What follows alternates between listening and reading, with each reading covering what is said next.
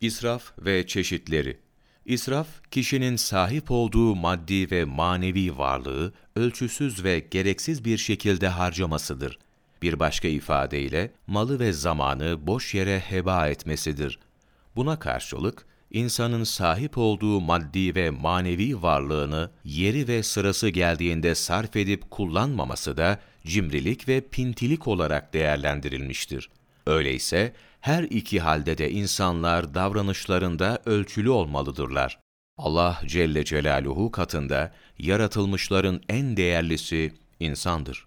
Zira Yüce Allah onu en güzel bir surette yaratmış, kainattaki canlı, cansız her şeyi onun hizmetine vermiştir. İnsana verilen değerden dolayı asıl israf edilmemesi gereken şey insandır. Nitekim insanın yaptığı şeylerde haddi aşması israf olarak tarif edilmektedir.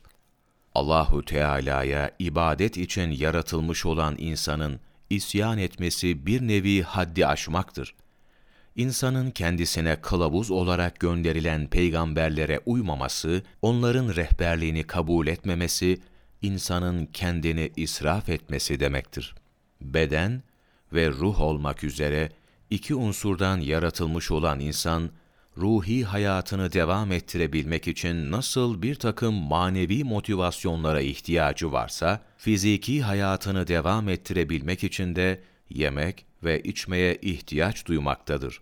Nitekim Yüce Allah, yiyiniz, içiniz fakat israf etmeyiniz.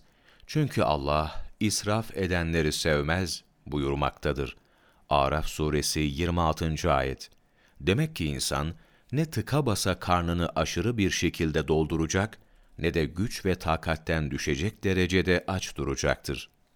İnsanların hoyratça harcadıkları ve değerini bilmedikleri nimetlerden biri de zamandır.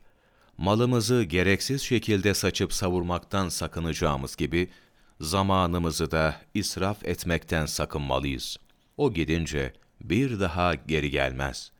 Allah Celle Celaluhu bu konuda şöyle buyurur. Asra yemin ederim ki insan ziyandadır. Asır suresi 1. ayet.